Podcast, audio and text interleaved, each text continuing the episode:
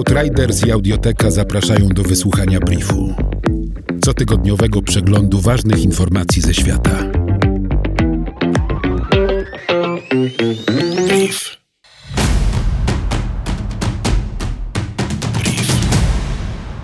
Gdy w galaktyce przestają powstawać nowe gwiazdy, zaczyna ona umierać. Astronomowie obserwują taki właśnie proces w galaktyce, w której gwiazdy jeszcze się formują, ale kończy się już potrzebna do tego materia międzygwiazdowa gaz z domieszką pyłu. Monitorowana galaktyka ID 2299 powstała w wyniku zderzenia dwóch innych galaktyk, co zresztą jest przyczyną jej powolnego umierania. Do tej pory twierdzono, że za śmierć galaktyk odpowiadają czarne dziury i powstające podczas formowania gwiazd wiatry, które wyrzucają w kosmos materię potrzebną do ich budowania.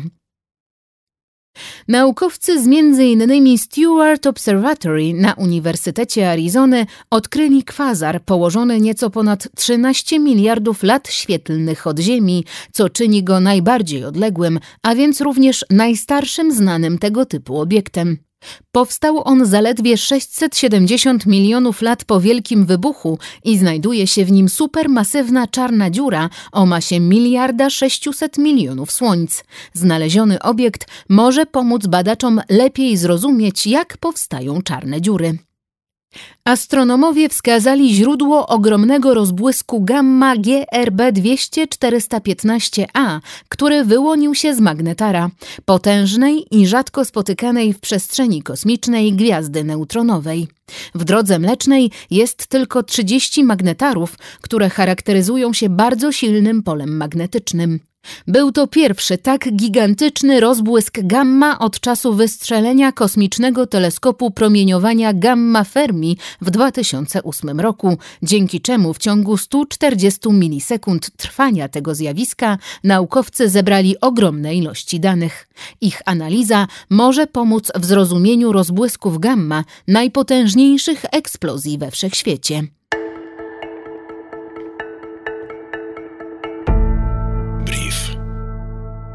Szkodliwe dla organizmów morskich włókna poliestrowe znaleziono w 96 na 97 próbek wody morskiej pobranych w całej Arktyce.